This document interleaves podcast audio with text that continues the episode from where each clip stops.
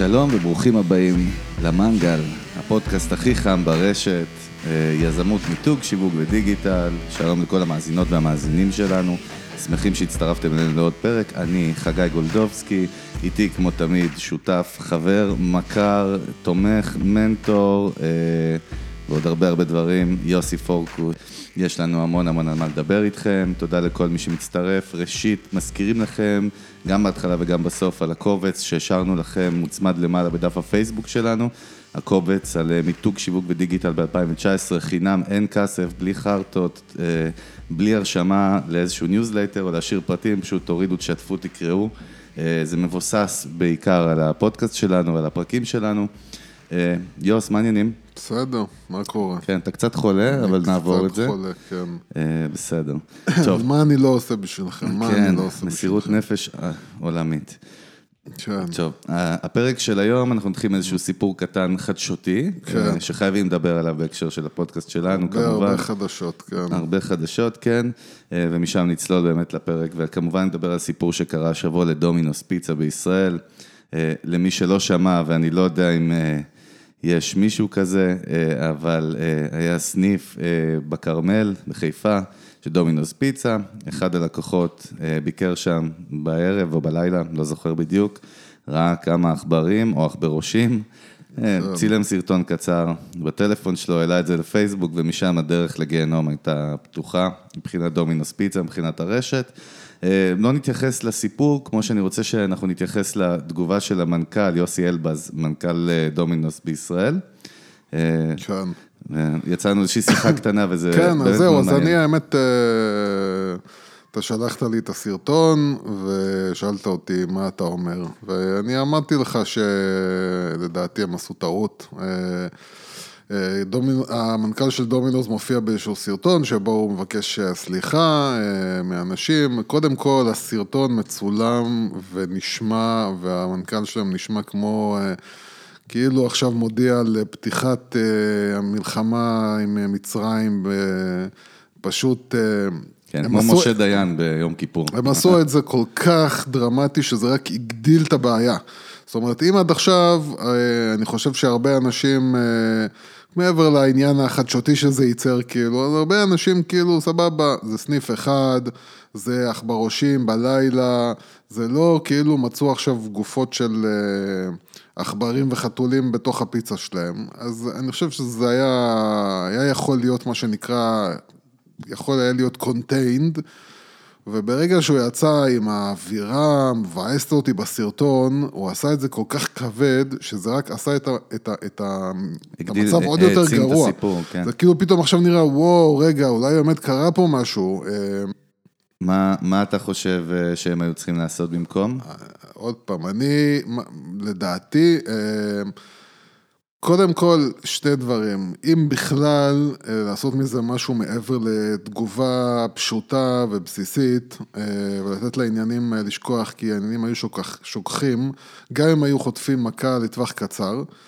אם אתה כבר רוצה לעשות משהו, אז בוא תעשה משהו בסגנון של יופי. אנחנו החלטנו לנצל את ההזדמנות, למרות שמה שקרה קרה בסניף אחד, אנחנו החלטנו לקחת את פרופסור בלבלה, מומחה למזון ולא יודע למה, הרכבנו צוות שהולך לבדוק את כל הסניפים של זה, להביא לנו דוח, ואנחנו החלטנו עכשיו לנצל את ההזדמנות כבר ולשפר את כל מצב ה... מצב הסניפים שלנו ולקבוע איזשהו סטנדרט עוד יותר מחמיר ממה שאנחנו כבר גם ככה, ולעשות מזה איזשהו כאילו על הדרך כבר, אם כבר זה קרה, למרות שזה במקום אחד ו... ומשהו מאוד נקודתי, החלטנו לעשות איזשהו צעד מעבר ל... למה שאנחנו גם ככה עושים באופן מאוד מאוד מחמיר, החלטנו לעשות איזשהו, לקחת לבנות צוות שיעבור ובסניפים שלנו ויבדוק אותה מבחינה תברואתית, ואנחנו נתקן כל סעיף וסעיף מהדוח שהם יגישו, ולהביא איזשהו שם של פרופסור שהולך להיות בראש הצוות הזה, ולהפוך את זה עכשיו לאיזשהו, מה שנקרא לאיזושהי, כבר לאיזשהו יתרון. אבל בגדול, מה שהם עשו, רק, רק הגדיל את הבעיה ולא לא הקטין אותה ולא פתר אותה. טוב, אז כן, זה טוב שהעלינו את זה באמת, ו- ומשם בוא נצלול באמת, ובקשר ישיר וספונטני. מעניין אותי באמת לדעת על מה אנחנו הולכים לדבר הפעם. אה, בסדר, אין בעיה, אז אני כן. אשתף אותך. אז היום אנחנו נדבר קצת על הלחצים של מקבלי החלטות בחברות ועסקים וסטארט-אפים. אה, אתה רוצה פה סאונד? אפקט עכשיו? כן. אנחנו נתחיל עם זה, אני לא בטוח שזה פרק אחד, אז בוא. אני אכניס אותך קצת. באמת, כשהסתכלתי על הסרטון הזה, אה, אוקיי. בגלל שאתה ואני יזמים, גם כן. כיזמים שהיינו co-founders בחברות שהקמנו, גם כל אחד עם העסק או העסקים שלו, אה, זה ממש החזיר אותי בלי קשר ישיר לסיפור של דומינוז, ללחצים ולהתמודדות עם משברים שהיינו עומדים בהם. זכורה לי אפילו נקודה אחת ששנינו, אתה יודע, זוכר, ש... לא יודע אם כמעט או התמוטטנו, אבל היינו ב... לא, אנחנו לא התמוטטנו, אבל כן. בהחלט היו לי אה, אה, ימים כמעט. שהייתי מגיע הביתה ולא ידעתי, לא לא יודע איך לא הזמנו אמבולנס, איך לא סיימתי כן. בבית חולים. ובוא בוא נפרוס את זה ככה, כן. תשמע, אה, פנתה אליי השבוע איזושהי מכרה שלי, שיש לה חברת הפקות קטנה, שאני עוזר לה עכשיו עם כל הדיגיטל ועם כל המיתוג של, של החברה שלה. והיא זרקה לי איזשהו משפט שגם אה, החזיר אותי קצת לתקופה שלנו, שהיינו בתחילת הדרך כיזמים. אה, היא אמרה לי, תשמע, אני לא בטוחה, אה, היא כרגע יש לה כמה לקוחות והיא רוצה לגדול, זאת אומרת, יש לה vision להיות מאוד, חברת הפקות מאוד מאוד גדולה. היא אמרה לי, אני מתבאסת פתאום שאני צריכה לחשוב על מה יהיה עוד חודש, ואני מתבאסת שעם הלקוח הזה, אני נכנס לאיזשהם לחצים שאני לא יודעת, לא בא לי טוב. ופשוט זרקתי לה בטבעיות, אתה יודע, תשמע, אם לא בא לך טוב עכשיו, אז כאילו, אל תחפשי לגדול, כי כשתגדלי זה לא אומר שיהיה יותר קל. אני חושב שיש איזושהי תובנה מוטעית שיש אצל רוב האנשים, ועליה אולי אני רוצה לדבר אה, על העניין הזה של לחצים של מקבלי החלטות, וכשאני אומר לחצים של מקבלי החלטות, אנחנו מתכוונים, תשמע, אם זה בעל עסק קטן, זה הלחצים שלו. אם זה פרילנסר, אותם לחצים שלו כמקבל החלטות. אם זה אה, יזם או co-founder של סטארט-אפ, ודאי ששם יש את אותם לחצים ב-levelים יותר גבוהים. בוודאי שבחברות, כמה שאתה גודל עם הגודל של החברה, הלחצים גדלים. וכשאני מדבר על מק- מקבלי החלטות, אני מדבר או על היזמים או על המנהלים של החברות האלה. אז קודם כל, באמת, אה, כל בעל עסק, אה, מהעצמאי הקטן ועד אה, למנכ"ל של חברה של עשרות אלפי עובדים, כולם עוברים מסכת של לחצים בתוך העולם הקטן שלהם. זאת אומרת, אותו עצמאי שנגיד עושה 6, 7, 8, 10 אלף שקל בחודש, כן. הוא יש לו מערכת לחצים מותאמת למה שהוא עושה. ובתוך העולם הקטן שלו הוא עובר מערכת לחצים שבשבילו היא נראית דרך אגב אה, איומה ונוראה. נכון. ואותו מנכ"ל של אה, חברה של אלפי, עשרות אלפי עובדים, הוא עובר מערכת לחצים בגלל שבמערכת כזאת אתה כבר אה, מוקף בליירים של אנשים שעוזרים לך ולוקחים ממך חלק מהעול. מורידים מהעומס, כן. אז, אז, אז, אז אה, איפשהו, אה, כשאנחנו חושבים על חברה ענקית, אנחנו חושבים כאילו על בן אדם שעכשיו יש לו מיליון ואחת החלטות. בחברה נורמלית, גדולה, אתה צריך שיהיו לך אה, מנכ"לים, סמנכ"לים, מנהלי צוותים. שאתה מאציל להם סמכויות? שבסופו של דבר, אם אתה בחרת את האנשים הנכונים, אז הם מורידים ממך הרבה הרבה מהלחץ, ואתה צריך בסופו של דבר לעשות את ההחלטות הגדולות. כן. אה, אבל בסופו של דבר כולם, גם הרבה אנשים, אה, הרבה בעלי עסקים קטנים שמקשיבים לנו, גם הם צריכים לקבל כל הזמן החלטות, והם צריכים כל הזמן לעמוד בלחצים, ו, ומי שלא, באמת לא בנוי לזה, או לא מוכן לזה, אז באמת אין לו מה להיות יזם. זהו, אני חושב שבאמת הפרק, אנחנו קצת נצלול יותר, אפשר לתקוף את זה באמת מהמון המון כיוונים ועשרות שעות של שיחות, נתקוף את זה מהכיוון של בואו תבינו מה זה להיות יזם או בעל עסק לפני שאתם נכנסים, כי יש בישראל, אתה יודע, יש את הקטע הזה של, אה, לא יודע, יש לנו איזשהו פטיש עם סטארט-אפים ומסעדות, ו... אבל הרבה חבר'ה אומרים, אני אפתח בית קפה, אני אפתח מסעדה, אני תיקח שתי מיליון שקל, אני עף על זה, ואתה יודע, בכלל הם לא מודעים לאן נכנסים. אותו דבר בסטארט-אפים, נתקלנו לא אחת ולא שתיים ביזמים ש... אה, רוצים להיות אה, צוקרברג או ג'ף בזוס הבאים, אבל הם לא באמת מודעים לה- להשלכות של לאן הם נכנסים. רגע, ואני אוסיף עוד נקודה קטנה על זה, שבייחוד בסטארט-אפים, ששם גם יש לך עוד מחויבות שהיא כלפי מה שנקרא משקיעים, שאין אצל בעלי עסקים קטנים. כן, למרות שאנחנו יודעים שלא תמיד אה, האנשים בסטארט-אפ אה, ממש מרגישים את הלחץ של המשקיעים. שזה גם משהו שהוא חמור מאוד, לא בסדר. תמיד מרגישים שהם באמת חייבים להחזיר את הכסף, אבל, אה, אבל העניין הוא באמת עם מי ש, כל מי שנכנס ו, ויש, סטארט-אפים זה דבר מאוד נחמד ונוצץ, אבל יש גם הרבה, כמו שאני תמיד חוזר, הרבה אנשים, עסקים קטנים ובינוניים, אה, שהם לא הייטק, ובסופו של דבר כולם צריכים לדעת אה, שהם נכנסים, ברגע שאתה מחליט לעבור ממצב שאתה שכיר למצב שאתה מנהל משהו שהוא שלך, אתה עובר למצב נפשי אחר לגמרי, שאתה צריך להיות מוכן ובנוי אליו. נכון. והמצב, בתור שכיר, כאילו, סבבה, אתה ראש קטן, יש לי את המשכורת שלי בסוף החודש. יש את עולם הלחצים כאילו שלך. כן, בסדר, אני צריך לא שלא יפטרו אותי, אני צריך את העבודה שלי כמו שצריך, אני... יש פוליטיקה של המשרד, יש את החרטא הזה, אבל אתה לא, אתה לא עם עול עכשיו על הכתפיים שלך, של בעל הבית שלך, שיכול להיות עליו עול עכשיו של אה, אה, אה, משכורות שהוא צריך להביא, וספקים שהוא צריך לנהל, ושרפות שהוא צריך לכבות, וכל העול עליו, זאת אומרת, אם החברה נופלת, אתה מאבד את המשכורת שלך החודשית, ויש סיכוי גדול כלשהו לפחות שאתה תצליח להדביק את זה איכשהו, אבל אותו אחד, בעל הבית שלך, מה שנקרא, בעל העסק שהפסיד עכשיו עשרות אלפים, מאות אלפים, מיליונים, הוא צריך עכשיו לשבור את הראש מה הוא עושה, והחיים שלו הם לא להיט. אז, אז בוא, אז בוא, בוא נתחיל לצלול לזה קצת. אה, אז קודם כל, כשבן אדם אה, לקח על עצמו לפתוח אה, את העסק שלו, במיוחד שאמרת על הבחורה הזאת שהיא כבר חושבת על לגדול, אז לפני שבן אדם גדל, הוא צריך קודם כל לדעת שהוא מיצה את המקום שהוא נמצא בו מכל הבחינות. אה, מיצה מבחינת זה שהוא למד את כל מה שצריך לדעת בשביל לעבור לשלב הבא, קודם כל, והוא עובר לשלב הבא באופן זורם.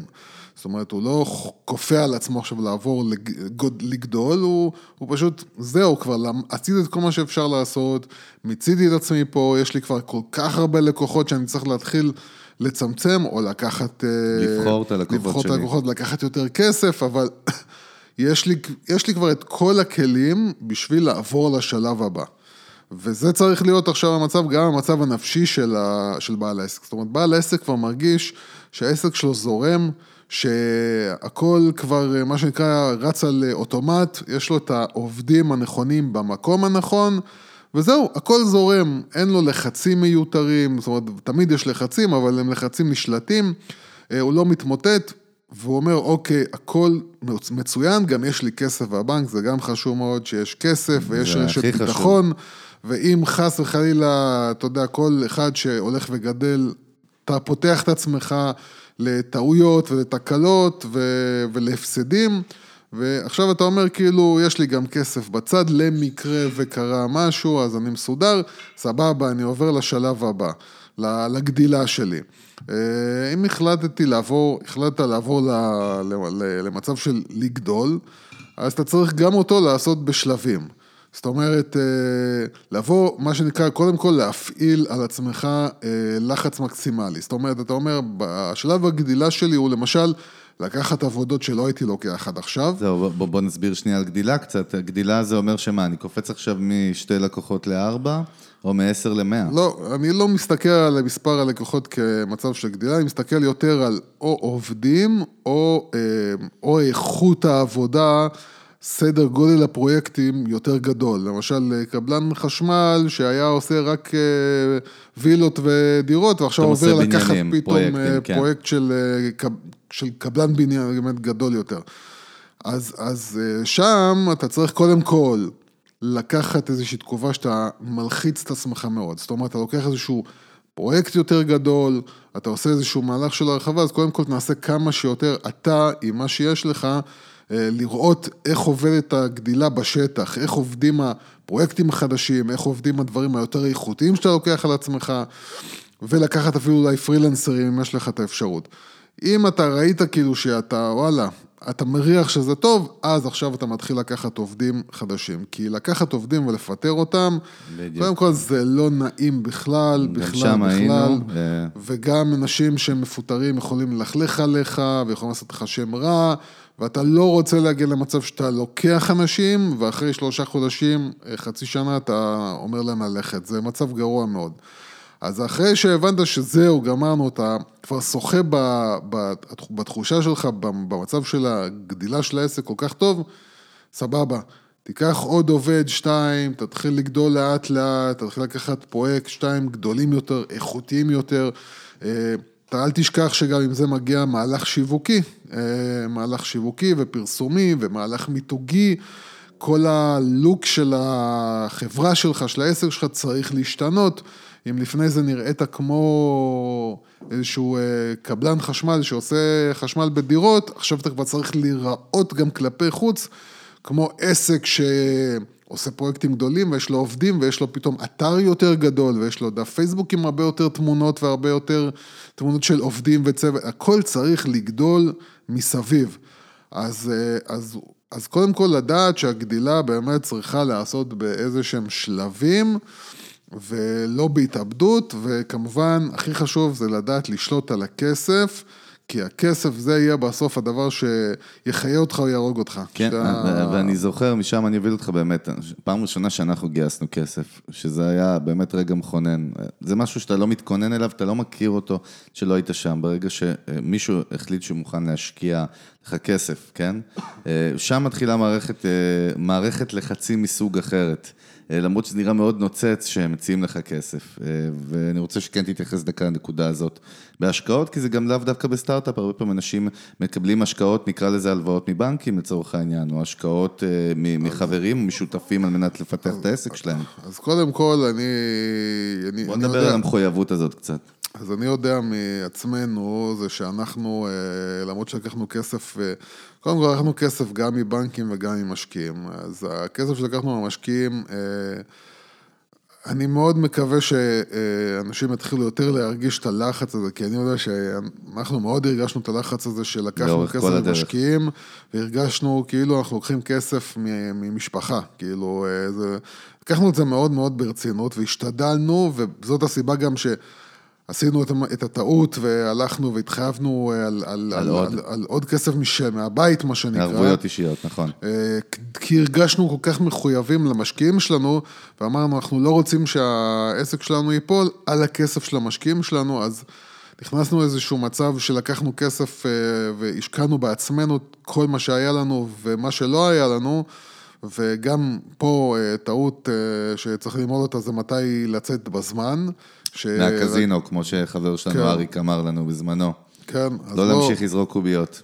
אז אה, ז'יטונים זרקנו כן. גם אחרי שהיינו צריכים להפסיק, אבל אה, הנקודה היא באמת אה, להרגיש קודם כל, במיוחד אם אתה לוקח הלוואה, שאתה צריך בסוף להחזיר אותה, באמת, שם אין, זה לא משקיעים, זה הלוואה. שצריך להחזיר אותה, אתה צריך לדעת באמת לקחת את, את הכסף הזה ולנצל אותו עד תום.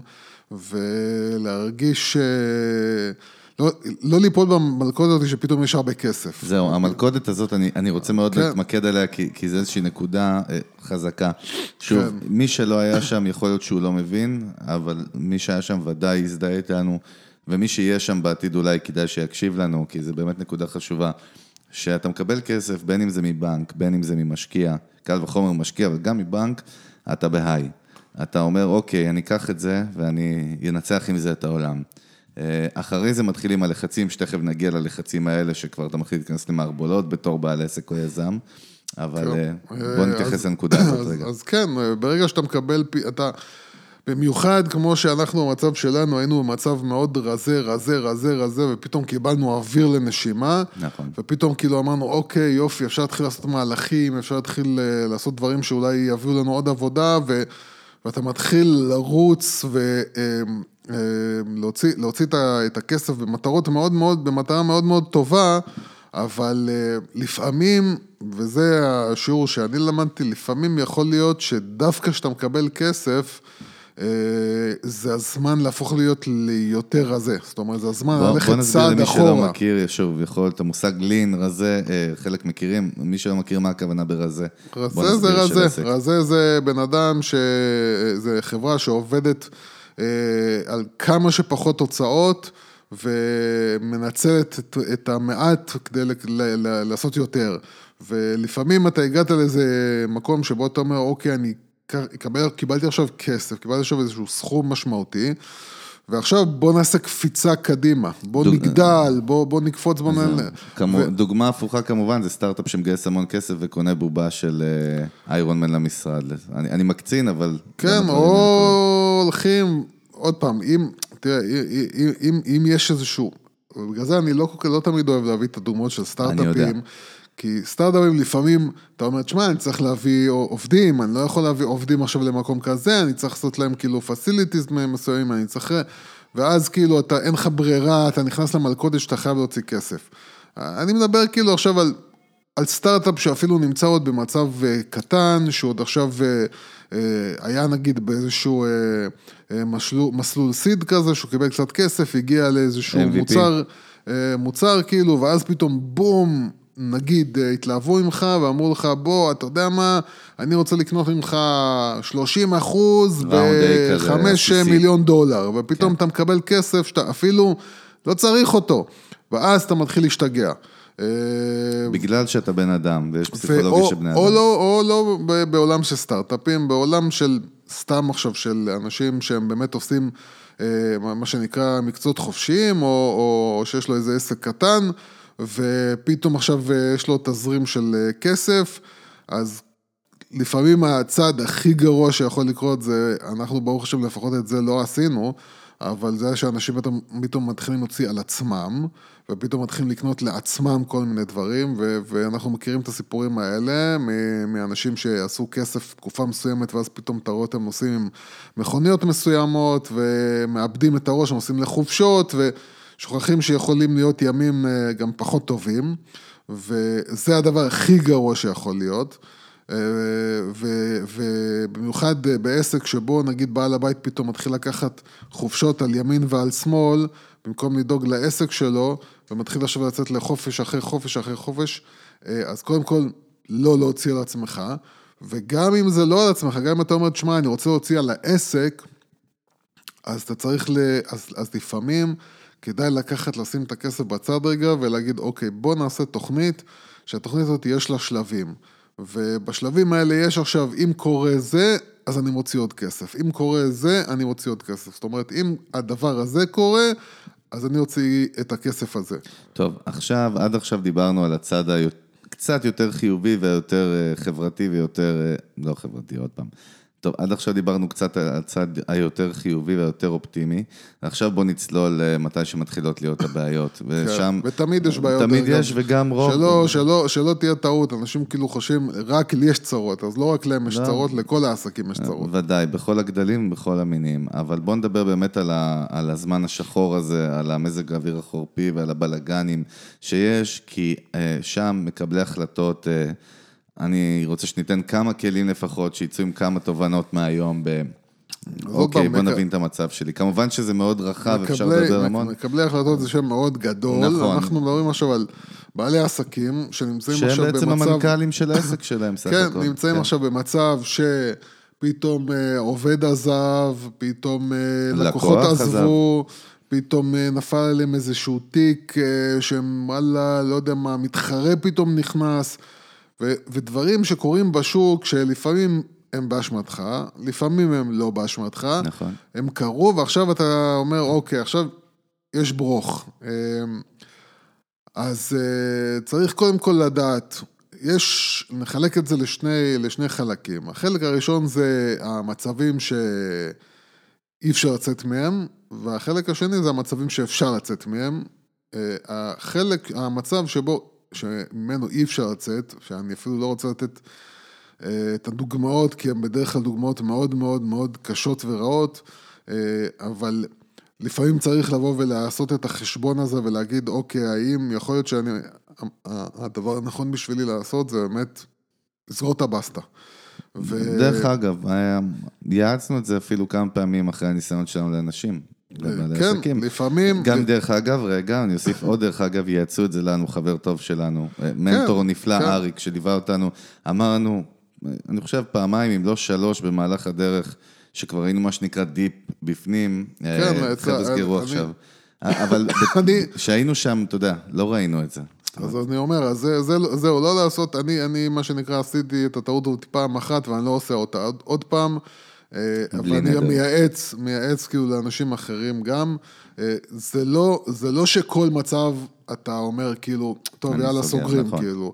אה, אתה פשוט צריך לעשות את, ה, את הקטע הזה של לשבת, לשבת עם, עם משפחה, אם יש לך משפחה שלך קרובה, אשתך, לשבת עם עובדים, לשבת עם חבר שאתה מעריך אותו שעובר מסלול דומה לשלך, כי עצות צריך לקבל עם מישהו שעבר מסלול כמו שלך, בדיוק. לא, לא אחד אה, אפרופו מה שאתה מהמשפחה. אומר, זה הבעיה עם הרבה מהיועצים במרכאות, ש... שהם גם- גם יועצים- יועצים והם, והם לא עברו את המסלול הזה של יזם. גם- גם יועצים וגם אה, כל מיני חבר'ה מהמשפחה שנורא נורא נורא רוצים לעזור, אין להם מושג, הם, אה, ואתה, נכון. ו- ואתה שומע עצות מפה, מימין, משמאל, ומאוד קל כאילו לזרוק. להיסחף. אז קודם כל, יושב עם מישהו, אז כדאי מאוד שהוא יהיה כמה שיותר קרוב למצב שלך, כדי שהוא יוכל להגיד, להגיד לך עצה אמיתית שהיא דומה למה שאתה עובר, אבל אתה צריך לשבת בברוך שאתה נמצא בו, אתה צריך לשבת ולהגיד, אוקיי, האם יש לי דרך עכשיו לבנות מסלול יציאה מה, מהמצב הזה? ואו שאני, המסלול היציאה שאני מנסה לבנות הוא רק מסלול של עוד יותר מחמיר את המצב. אם המצב... רגע, אז בוא, בוא. כן. עצור, אבאלה. קאט, בוא כן. ניתן דוגמה, לא, לא קאט, אנחנו, אני עוצר אותך בקטע של, בוא ניתן דוגמה רגע לפה ולפה, בוא ניקח איזה שתי, תסריטים, באמת, כי יש המון, אבל אה, לפה ולפה. בוא ניקח תסריט, אה, עוד פעם, יש את התסריט, התסריטים, בתסריטים הרעים יש תסריטים ממחלה, אה, שלפעמים מכריחה אותך עכשיו אה, להוריד הילוך ברמות כאלה שאתה כבר לא, לא, יכול. אתה יודע מה, עזוב, אני דווקא לא רוצה לדבר על מחלה, או, אני, אני רוצה או, לתת את או. הדוגמה, רגע, אני רוצה לתת את הדוגמה אה, ש, שאנחנו מכירים אותה, של אתה מתחיל להיכנס לסחרור של חובות, יש לך המון המון חובות ספקים, לקוחות כבר לא משלמים, או משלמים באיחור, או מבטלים פרויקטים. אז, כן, אז אני אומר, אז זה, זה הדוגמה הכי קלאסית. קלאסית, הדוגמה כן. הקלאסית זה שאתה פשוט מתחיל לקבל עוד טלפון מהבנק, ועוד טלפון מהבנק, ועוד טלפון. מספק, ועוד טלפון מפה, ואתה מתחיל להרגיש שאתה עמוק בפנים. וברגע ברגע שאתה מתחיל להרגיש שהשלב הבא של הכסף שאתה צריך, של ההזרמה שאתה צריך, היא, היא הזרמה שתסכן אותך במידה והיא לא תצלח, אז יכול להיות שזה הזמן לחשוב כשאתה אומר אה, תסכן אותך, מה אנחנו מתכוונים? זאת אומרת, אתה נגיד, אתה, על אתה, אתה? יכול עכשיו נגיד לעמוד ב... אתה אומר כאילו, אוקיי, אם יהיה לי עכשיו מינוס של 100 אלף שקל, אני אוכל לצאת ממנו. נגיד, אני יודע, אני אעבוד כן, פה, אני אמכור את. זה, אני אעשה זה, אני אהיה שכיר פה, אני... אוקיי, אני אחזיר את הכסף הזה, ייקח לי שלוש שנים, ייקח לי חמש שנים, אני אחזיר את זה. זה סיכון שאני יכול לקחת. 100 אלף שקל זה סיכון שאני יכול לקחת. ברגע שאם, חס וחלילה, לא הצלחתי במהלך שיעלה לי את המאה אלף שקל האלה, אני סוגר את הבסטה. זאת אומרת, זה ההסכם שאני עושה עם עצמי. לא הלך, אני סוגר את הבסטה. אבל לפעמים אתה נמצא במקום שאתה כבר אה, בפנים במאות אלפי שקלים, והשלב הבא זה שוק שחור, שוק אפור כאילו. כן. שוק אפור, זהו, זה השלב הבא. ו... שגם ו- שם עדיין בן אדם מדומיין ואומר, ו- אני ו- אביא אותה ואני ולצערי, אחזיר. מה, אני מכיר את האנשים, אנחנו אני מכירים, מכיר את לא, אנחנו האנשים. מכירים את הפסיכולוגיה, כן. עברנו אותה בעצמנו. אז שוק אפור זה, זה מה שנקרא, קו אדום. כבר אחרי הקו האדום, אבל כן. זה קו אדום שאם הגעת אליו, ודאי הקילומטר תעצור. המאה ואחד. אז ממש, זהו, כאילו אין, לא, הרי, הרי בסופו של דבר הרבה מזה זה כבוד, הרבה מזה זה הכבוד שלך שנרמס, נכון. הכישלון. עזוב, עזבו את הכבוד שלכם, תאמינו לי, להצטבך עם, אה, עם כסף ברמות ש, של אי אפשר לצאת, זה כואב יותר מכל הכבוד שבעולם. אני חושב שאפילו, אתה יודע מה, לנו לא היה חסר אה, אפילו את העצות האלה, פשוט לא קיבלנו אותן. זאת אומרת, היה לנו מנטור, באמת אדם שהוא איש עסקים מאוד מאוד רציני, באמת שדווקא ליווה אותנו בכל הדרך, אבל לא הקשבנו לו פשוט. הרבה מהאנשים האלה הם למי להקשיב. אני חושב שהדבר הראשון שצריך לעשות מצבים כאלה של לחץ זה להתייעץ עם גורם אובייקטיבי, אה, ומישהו שמבין גורם עניין, מה אובייקטיבי שנקרא. שקרוב אל, המצב בדיוק. שלך ויודע איפה אתה. נמצא. כי, כי, כי לבד, אה, ואפילו אם אתה יודע מה, גם המנכ"לים הכי גדולים בעולם לוקחים יועצים, ויש סיבה.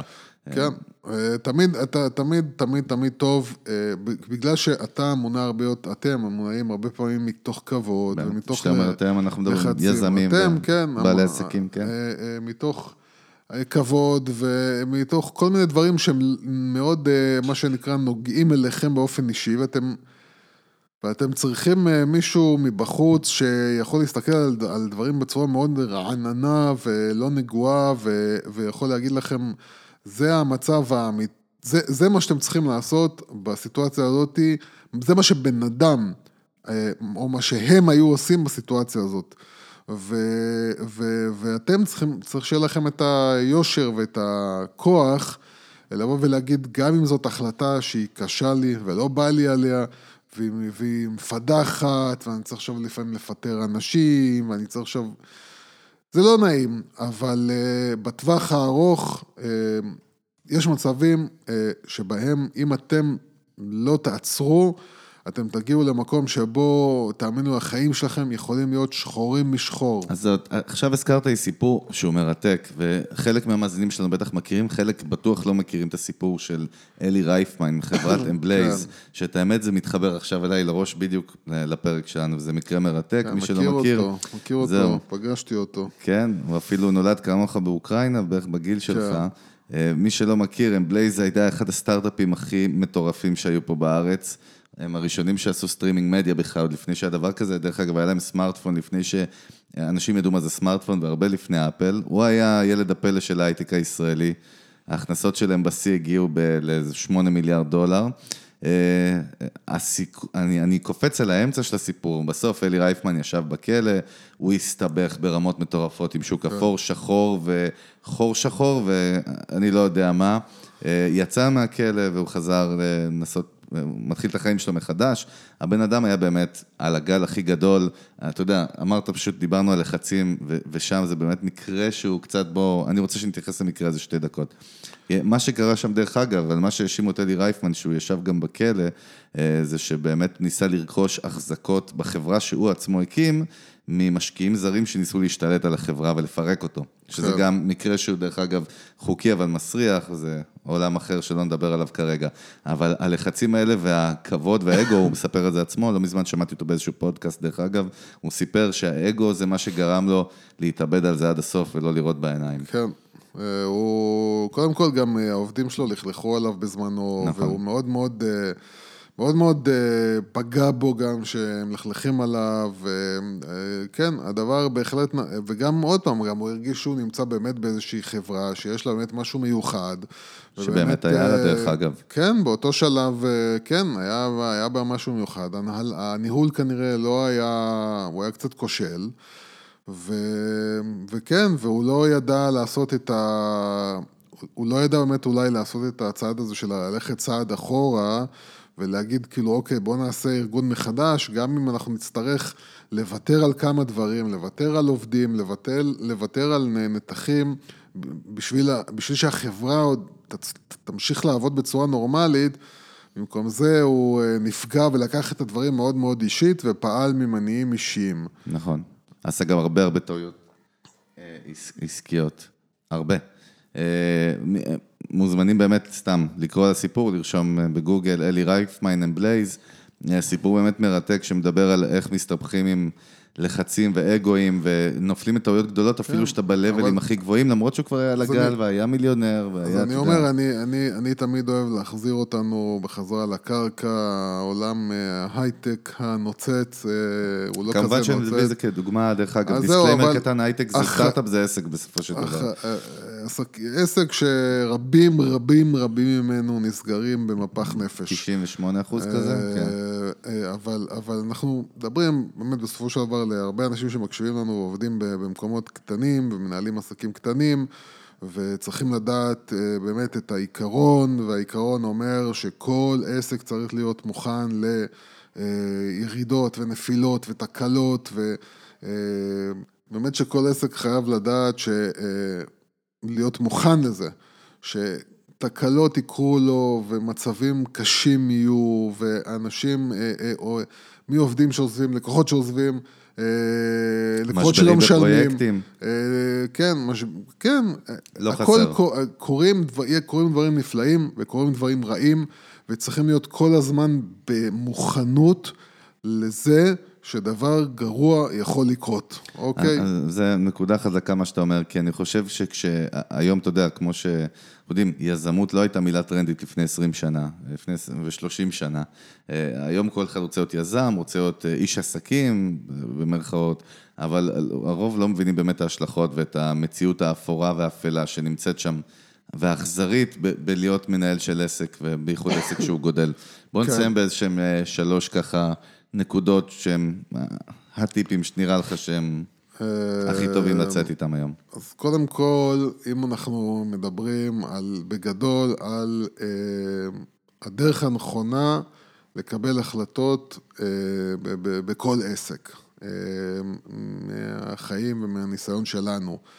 אה, אז, אז, אז קודם כל, אה, כמו שאמרנו, אה, כל עסק צריך, כל בעל עסק, כל עצמאי צריך לקבל המון המון המון החלטות כל יום. כל יום זה יום שאתה קם וצריך לעשות בו החלטות. ובשביל לקבל את ההחלטות הנכונות, אה, בעל עסק צריך לבנות לעצמו איזושהי פלטפורמה שתתמוך בעצם ביכולת שלו גם להתמודד עם טעויות, גם להתמודד עם תקלות וגם להחליט החלטות הנכונות.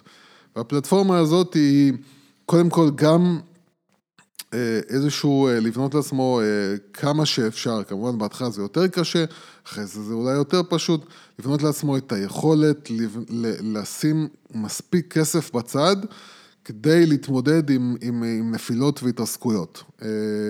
אז קודם כל שיהיה לו מספיק כסף בצד בשביל להתרסק איתו. דבר שני, לבנות לעצמו צוות שזה או עובדים שלו או אנשים חיצוניים שהוא יודע שהם נמצאים במקום שהם מבינים אותו, הם מבינים את הנפש שלו, מבינים איפה הוא נמצא. עליהם. שהוא יכול לסמוך עליו, אבל קודם כל שזה לא איזה, זה כמו שלי תמיד, בגלל שהיו הרבה תקופות שהייתי מתעסק בעטיפות גרפיות, בלייצר לייצר עטיפה גרפית מוצרים. לחברות, mm-hmm. אז, אז תמיד היה בעל העסק, בא ואומר לי, תקשיב, הבת שלי, היא סיימה עכשיו קורס גרפיקה, ואז יש לך תמיד את הבת והבן והבן דוד, שהוא עכשיו סיים לימודי כלכלה באוניברסיטת אה, תל אביב, ו... אז קודם כל, מי שסיים לימודי כלכלה באוניברסיטת תל אביב, הוא לא תמיד יודע לתת לכם עצות עסקיות. אה, לתת עצות עסקיות צריך לדעת בדיוק איפה אתה נמצא ולהיות שם נפשית כדי להגיד לך מה אתה צריך לעשות. אה, זה, אז, אז קודם כל לבנות איזשהו מערך כזה שידע לעזור לך. ודבר שלישי, וזה לפעמים הכי חשוב, כי זה לפעמים המכשלה הכי גדולה, אה, במיוחד במקומות, אה, גם במקומות מקצועיים שבהם נגיד מסעדות שבהם השף הוא גם בעל הבית, או, או אם אתה נגיד, אמרנו הזמן, קבלן חשמל ואתה חשמלאי מומחה, ו... אתה מאוד קל לך ליפול באגו שלך, ולהגיד כאילו, עזבו אתכם, אני מבין, אני יודע, וצריך להיות בן אדם, אה, בגלל שעסק זה צד מקצועי, בעסק אין רגשות, עסק צריך להתנהל, אתה צריך להתנהל בצורה מקצועית מאוד. אגו אין לו מקום. זהו, דרך אגב, מה שאתה אומר השבוע, באמת קראתי, אה, סליחה, השבוע שעבר קראתי כתבה על משפחת סקל, על סולי סקל, שהיו האימפריה של הדיוטי פרי, שהוא דרך, דרך אגב כתבה מהממת, שהוא סיפר שבגיל 70 ועד היום כבר מחזיר חובות של, לא יודע, מיליונים, אם לא מיליארדים, אה, בשביל שהשם שלו לא יתלכלך. אה, והוא לא מכריז על פשיט הרגל, אבל מה שמספרים שם בכתבה, שהרבה מהעובדים הבכירים מספרים שמה שריסק את העסקים, הם היו גם יבואנים של נאוטיקה ושל טימברלנד, שהרבה הרבה דברים, אה, שמה שריסק את זה זה שהם הכניסו המון המון בני משפחה לנהל את העסקים, כתוב בכתבה כן. בכלכליסט, אה, שהם הכניסו אותם לנהל את העסקים, ולא תמיד היה להם את הידע הראוי, כן. פשוט היו בני משפחה במקום הנכון, אתה יודע. כן. זה משהו שאנחנו רואים אותו באמת. כן, זה היה הרבה גם בפוליטיקה, אנחנו רואים את נכון. זה. הם, הם, זאת אומרת, לא על סמך הכישורים. אז כן, אז עסק... אין לו, אין, אין, אין בו מקום ל, לרגשות ואין בו מקום, אני זוכר שהייתי, שהקמתי את ערוץ הידברות, והיה איזשהו מישהו שהוא היה חבר, והוא בא ואמר לי, סבבה, אני רוצה להופיע בערוץ. הוא היה איזשהו מישהו שרצה להיות טאלנט, ולי זה לא התאים, לא, לא חשבתי שהוא מתאים כאילו להופיע. ואמרתי לו, לא, והוא היה בשוק, כאילו, כן. מה, איך, אנחנו חברים, אחי, מה, מה, מה הסיפור, כאילו? לא, אתה לא מתאים מבחינה מקצועית להופיע בערוץ, וככה צריך להתנהל בעסק. זה נקודה כאילו. מהממת, יוס, אני חושב שהיא מאוד מאוד חשובה, ההפרדה הזאת בין הרגשות והמשפחתיות והסחבקיות הישראלית לבין עסקים, כי בעסקים אתה צריך כן, להיות... אה, ב- בעסק אתה צריך להיות קר. ובלי אגו, ובלי להרגיש את עצמך למעלה, ובלי להרגיש את עצמך שאתה יודע הכל, כי הרבה פעמים אתה לא יודע הכל. טוב, חברים, אנחנו אה, לקראת סיום. חבר'ה, בקיצור, עולמם של יזמים ובעלי עסקים הוא עולם אכזר, כמובן שפירותיו נמצאים ב, בסלו, אה, אבל זה, זה לא כזה פשוט ולא כזה ורוד, זה, זה לא. אכזרי מאוד, בכלל לא. ואתם צריכים אור של ברזל, אור של אה, תנין בשביל להיכנס ולהיות שם, בייחוד אם אתם גודלים. מקווה שקיבלתם אה, מספיק מידע שיעזור לכם. כל אחד והתחום שלו. אה, אני מזכיר לכם אה, שיש לנו באמת מוצמד בדף הפייסבוק, המנגל, פודקאסט על מיתוג ושיווק, הקישור להורדה של המדריך הבאמת לא פחות ממדהים שהכנו לכם, אה, באמת חינם אין כסף, פשוט להוריד אותו ולנצל אותו ולקרוא אותו ולעבור עליו ולשתף אותו, ויהיה לכם אחלה כלים שמבוססים על הפודקאסט שלנו, מרוכזים בצורה גרפית וויזואלית. גם אה, מעודדים אתכם באמת לשלוח לנו בדף הפייסבוק, אה, במסנג'ר, או בדף האינטרנט, באתר האינטרנט שלנו, הודעות, אה, הערות או הערות עם עין או א' שיש לכם. שמחים באמת שאתם מאזינים לנו, מקווים שנוכל לתת לכם ערך לפחות עוד אלף פרקים. איתי היה יוסי פורקוש, אני הייתי חגי גולדובסקי, איתי היה יוס, יוסי פורקוש, Brand IL, Brand Nation, יאללה, התראות יוס. להתראות ביי. Vestido como fiesta pagana. Mi pana, nos fuimos hasta mañana. Toda esa guiale moviendo esa nalga. Y yo con mis ganas de un encuentro anal. When me there with you, dime que te falta. Throw your hands in the air,